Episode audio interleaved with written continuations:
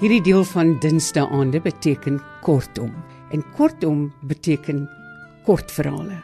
Spesiale kortverhale. En vanaand gaan ons na twee verhale luister van J.M. Gilfillan wat ek gekry het in 'n bundel van name die titel van Stiltes en Stemme wat in 1990 die ou Mutual Letterkundeprys gewen het. Ek moet sê al hierdie verhale is aangrypend. En ek het vir Susan Beyers gevra om dit vir ons te kom lees, maar ons gaan na twee luister want hulle is nogal kort en hierdie twee het mekaar regtig half nodig dink ek. Ons begin met huisbesoek. Huisbesoek en miskien moet ek net sê dit is 'n Human en Resou publikasie.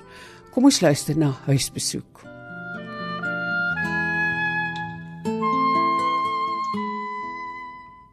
Sy staan in haar agterplaas by die kojawelboom wat swaar hang van vrugte. Haar gedagtes is by die traangas wat sy ver oggend vanuit haar kantoorvenster op die 11de vloer uit 'n polisievoertuig tussen die studente sien inborrel het, sodat hulle in alle rigtings uiteengespat het. Oor die verlate vierkant het die gepantserde voertuig stadig gekruip soos 'n groteske insek met voelers in alle rigtings uitgestrek. Toe die eerste groep studente weer uit die kafeteria verskyn en gearmd en singend begin beweeg, het die lomp gogga rubberkoels tussen hulle ingespoeg. Nou was die insek weer alleen, maar bedreig. Want hy het al in die ronde oor die vierkant bly kruip. Toe kom daar 'n figuur vanuit die biblioteek aangeflap, soos 'n mink kraai. Verskynlike afgevaardigde van die personeelvereniging in 'n swart toga die arms na bo gestrek en met 'n ongelyk stap, asof een been korter is as die ander. Daar's iets vanuit die polisie voertuig geskree, seker 'n waarskuwing aan die kraai om terug te draai, maar hy bly nader struikel. Die volgende oomblik, voor haar ongelowige oë, het daar 'n swart skaduwee uitgestrek gelê oor die grys sement. 'n Kojawel waaruit 'n wurm peel spat in pulp en pytjies uiteen toe sy daarteen skop. "Madam," roep Beauty by die agterdeur. "A gentleman to see you." Hy staan in die oorvol portaal, vasgevang tussen 'n Victoriaanse hoederak en 'n Kaapse geelhoutkas, en hy lyk nie op sy gemak nie. Sy het nog nooit geweet hoe om mense gerus te stel nie. En sy bly teenoor hom staan en wonder of sy hom behoort te ken. Ek is Janie Maree, die diaken. U is immers lid van die NG Kerk? Sy knik. In die sitkamer waar hulle beknop teenoor mekaar sit, vroet hy tussen die papiere in sy aktetas, bring 'n dokument te voorskyn en begin lees. Oorgekom uit die gemeente Stellenbosch sentraal Johanna Margareta Kreur met twee dooplidmate te wete Thomas Mark en Andrea Susan. Sy wonder of Werner dit nou as finale gebaar van besorgdheid teenoor haar gepleeg het om haar attestaat hierheen te laat kom met sy naam sorgvuldig verwyder. So is hy nou na die siel ook versorg agtergelaat. Die jong diaken wil weet of sy nie maar wil inskakel by die gemeente nie. Dit is oorvol hier, sê sy.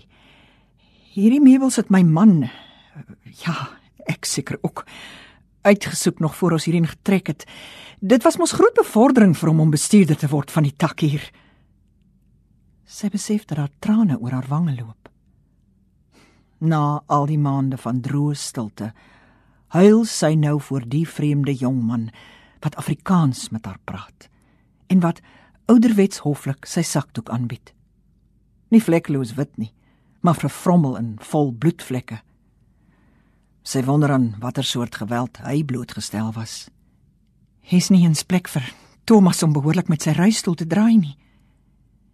Helder, sodat dit die besorgde gesig van die diaken verdring sien sy weer die plakkaat van Christopher Robin wat in 'n verre verlede teen Thomas se kamermuur geplak was. 'n Reproduksie van 'n penskets deur E.H. Shepard met Christopher Robin van agter gesien. Poebeer swaaiend aan sy hand. Dit is die beentjies met die knieknoppe wat effens na binne draai wat haar aandag hou. Van daai seunsbene uit die kortbroek, sokkies afgesak om die brose enkels, kon loop. Ons was gelukkig in Stellenbosch. Sy sny haar neus. Ten minste, ek was. Die busie het Thomas elke oggend kom oplaai na die skool vir serebraal gestremdes en ek het deeltyds by 'n uitgewery gewerk. Maar toe kom ons hierheen. Die res is geskiedenis, dink sy. Ek en die kinders met al ons aardse goed in 'n miserabele huurhuis en hy in 'n leë paleis saam met sy sekretaresse. Ja, antwoord sy die diaken. Ek was gelukkig om 'n pos by die universiteit te kry. Maar ek kom nie klaar met my kollegas nie, wil sy byvoeg. Ek is stug en geslote. En my taallesse is almal kortsluitings. Ek sê jou wys wat ek bedoel. Sy staan op en gaan grawe tussen opstelle wat verward oor die eetkamertafel gesaai lê. Met die flarde papier van Alfred Ngwenya kom sy terug. Lees dan sal jy sien dat ek nie eintlik 'n sukses is nie. Ek moet eerder met manuskripte werk as met mense. Terwyl hy lees, sit sy en kyk na sy mooi jong gesig. En sy weet dat sy hom geweld aandoen deur haar laste op hom te laai. Toe hy opkyk, kan sy sien dat hy geamuseer is. Hm, nie so sleg nie, maar uh, ek stel voor dat u die studente eerder leer sing. Hy sit die opstel op die koffietafel neer. Mevrou Kreer.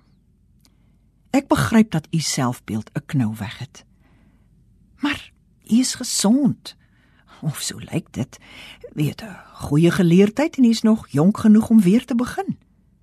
Daar sal nog mooi dae wees. U moet dit glo.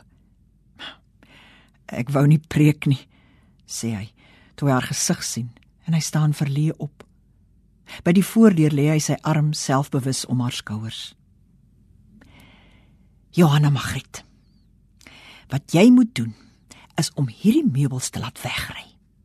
Dan moet jy my weer oornooi sodat ek met Thomas in die leefvertrekke kan speel. Sy vra of hy nie kojawels wil hê nie. Hulle vrot aan die boom. Nee, sê hy. Nee. Sy ma sou soveel vermorsing nie geduld het nie. Sy sou smeere gemaak het en bottels vol ingelê het. Maar hy's nie juis ingerig daarvoor nie en buitendien moet hy nou na 'n skietoefening van burgerlike beskerming gaan. Dit herroep die oggend se gebeure op die kampus. Sy kyk na hom en sy dink hy ook.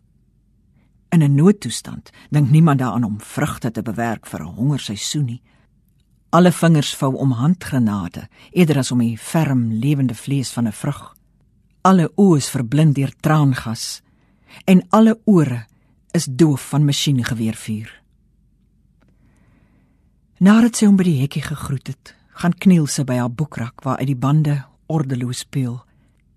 Sy soek na 'n storie deur Kundera oor Karel en sy ma en die pere wat goudgeel hang terwyl tanks oor die landsgrense aanrol.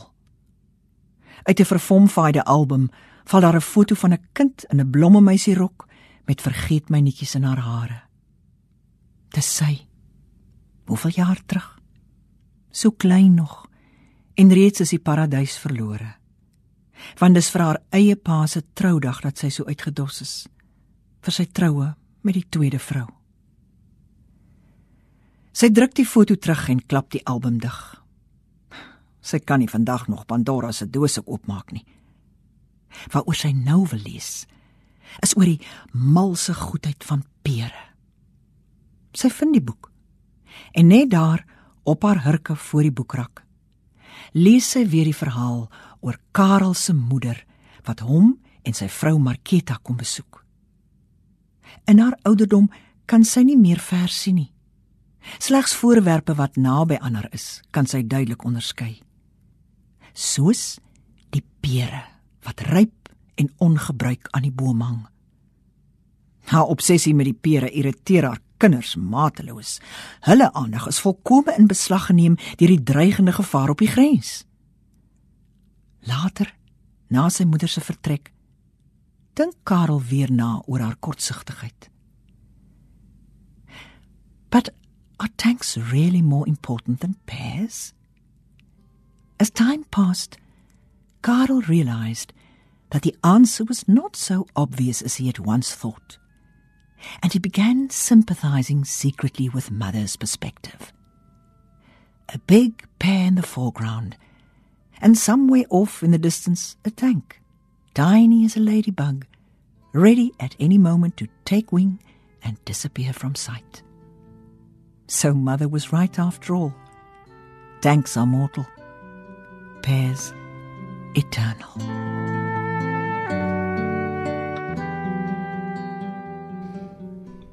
Susan Beyers het vir ons J.M. Gilfillan se verhaal Huisbesoek gelees wat ek gekry het soos gesê uit die bundel van stiltes en stemme van J.M. Gilfillan. Nou gaan ons luister na 'n verhaal met die titel Sprokie. Aangrypend soos ek gesê het. Lekker luister.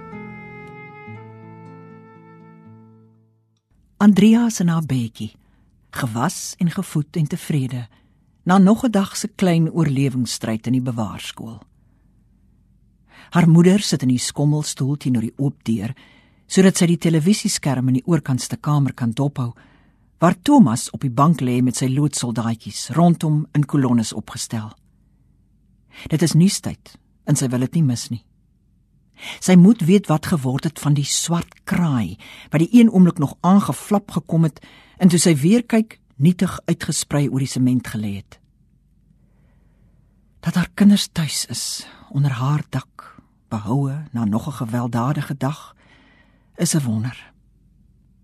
Vanaand, die eerste keer in 'n lang tyd, is sy intens bewus van die geborgenheid van vier mure. Veral hier in Andreas se kamer, waar speelgoed verstrooi lê en waar Pieter Rabbit in die muur besig is om boer McGregor se slaai te plunder. "Wat wil jy hoor?" vra sy, al blaaiende deur Grimm se versamelde sprokies. "Die amandelboom," roep die kleintjie en klap haar hande by die vooruitsig. Afgetrokke begin sy lees. Eenmal, lank lank gelede, was daar 'n ryk man en hy het 'n vrou gehad wat goed sowel as mooi was. Hulle was baie gelukkig saam en alles sou volmaak gewees het as die vrou 'n kindjie kon kry. In die tuin voor hulle huis was daar 'n amandelboom. Eendag in die winter, toe die vrou onder die boom gestaan het besig om 'n appel te skil, het sy haar vinger raak gesny en 'n druppel bloed het in die sneeu geval. "Ag," sê die vrou onderwyl sy diep sug. "As ek maar 'n kind kon hê, so rooi soos bloed en so fit soos sneeu." Sy laat die boek sak en met haar oë op die televisie stel, vertel sy verder. Oor die skerm hardloop soldate gebukkend deur rookgevulde strate en geboue bars oop in vlamme sodat die flikkering soos weerlig deur die kamer speel. Dit is die jongste beeldmateriaal uit Libanon. Sover nog niks oor die voorval by die universiteit nie. Sy lees verder oor hoe die vrou teen die volgende winter 'n seentjie gekry het met 'n vel so wit soos sneeu en wangetjies so rooi soos bloed. Toe die jong moeder die baba in haar arms hou, was sy so gelukkig dat sy gesterf het. Haar man het haar, soos haar wens was, onder die amandelboom begrawe. Sy merk dat Andreas slaap en sy klap die boek toe. Nee, lees, lees verder. Protesteer Thomas van die bank af waar hy besig is om grof geskit op te stel in die pad van die oprukkende vyandelike linie. Sy vou die lakens waaroor sneeuwwitjie en die dwerge huppel om Andreas se lyfie in en skakel die lig af. Dan gaan sit sy by Thomas voor die TV. Daar word berig oor 'n vliegtyg wat neergestort het in Indië, oor 3 ANC terroriste wat in 'n buurstaat geskiet is en oor 'n getuigolf in China wat duisende dakloos gelaat het. Die beeld stol op 'n ou man voor 'n hoop modder wat eens sy huis was en waaronder sy vrou begrawe lê. Niks oor wat 'n paar kilometer van hier af by die universiteit gebeur het nie. Die stiefmoeder, hervat sy, het niks van die seentjie gehou nie en hom baie sleg behandel. Op 'n dag het sy hom na die appelkus gelok onder die voorwendsel dat hy vir hom 'n appel mag neem. Toe hy buig en sy hand uitsteek na 'n ronde rooie, het sy die swaar deksel op sy nek laat val. Sy kop het mors afgebreek en tussen die appels ingerol. Dis nou wat my juffrou 'n tol storie sal noem, lag Thomas, wat belang verloor het in sy soldate. My keel is droog, lees jy vir ons? En sy gee die boek aan. Van police file af word 'n beroep op die kykers gedoen om behulpsaam te wees met die identifisering van 'n jong man wat twee kinders verkrag en hulle daarna in 'n mynskaf afgegooi het. Die dogtertjie se gesigte flits oor die skerm, ongevorm nog, met onseker laggies vir die skoolfotograaf. Sy gaan skakel die televisiestel af. Genoeg gruwels vir een dag. Met haar kop agteroor geleun in haar stoel en haar oë toe luister sy na die helder kinderstem wat hier en daar nog struikel oor 'n woord.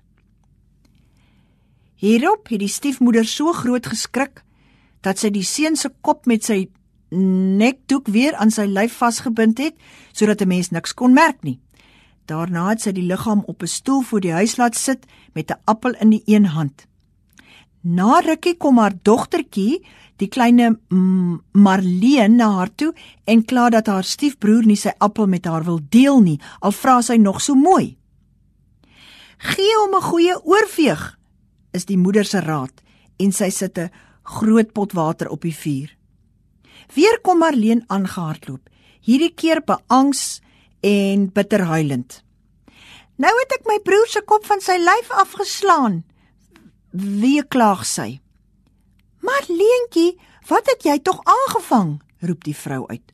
Ons sal 'n plan moet maak sodat niemand ooit hiervan sal weet nie. Daarop neem sy die dooie kind en kap hom aan stukke. Terwyl sy die vleis in die kookwater gooi, val Marleentjie se trane sonder ophou in die pot. Nou is ek baie moeg, sê Thomas en hy laat die boek sak. Ons kan môre lees oor hoe die pa sy seentjie se vleis opeet en oor hoe Marleen al die bene onder die tafel bymekaar maak en dit toebind in 'n sydoek. Kom, ons sê net gou die refrein.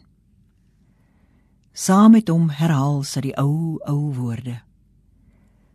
My moeder het my vermoor en sit my aan my vader voor.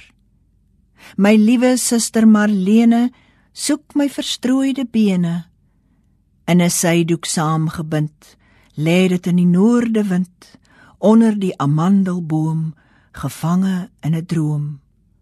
Kovit, kovit, luister na die hemelvoël se lied. Daarna gaan tel sy hom op en dra hom na sy kamer toe. My seentjie, so wit so sneeu, met sy tere, onbruikbare bene, dink sy bewus van sy tengere gewig teen haar. My troos en my vreugde. My man in die huis. Nadat sy hom ook tussen die lakens ingevou het, dwaal sy deur die stil vertrekke. In die sitkamer skakel sy die TV weer aan. Net betyds om te sien hoe 'n man oor die kop geslaan word, dat sy bril voor hom in die straat aan skerwe spat. Uit sy neus blom 'n rooi angelier. Misdaad, besef sy en sy skakel af. Sy gaan die veiligheidshekke weer na en sit al die ligte af. Vir haar bly daar niks verder oor as om ook te gaan slaap nie. My huis is rustig, dink sy. En hoor hoe honde verder af in die straat verwoed begin blaf. Nog verder, sodat sy dit skaars kan hoor, begin 'n sirene dringend loei. Sy lê in haar bed, maar sy kan nie slaap nie. Sy verlang na 'n man se wrede lyf wat sal kneus en kastei tot al die woede in haar oop bars in een geweldige vuurbal wat die hele nag vol gloeiende bomskerwe skiet. Susan Beyers het vir ons sprokie van J.M. Gilfillan gelees. huisbesoek en sprokie het ek gevind in 'n bundel van stiltes en stemme van J.M. Gilfillan wat by Human en Resou gepubliseer is. Van my, Margot Luit, alles van die aller aller allerbeste. Mag dit met ons almal goed gaan. Totsiens. thank you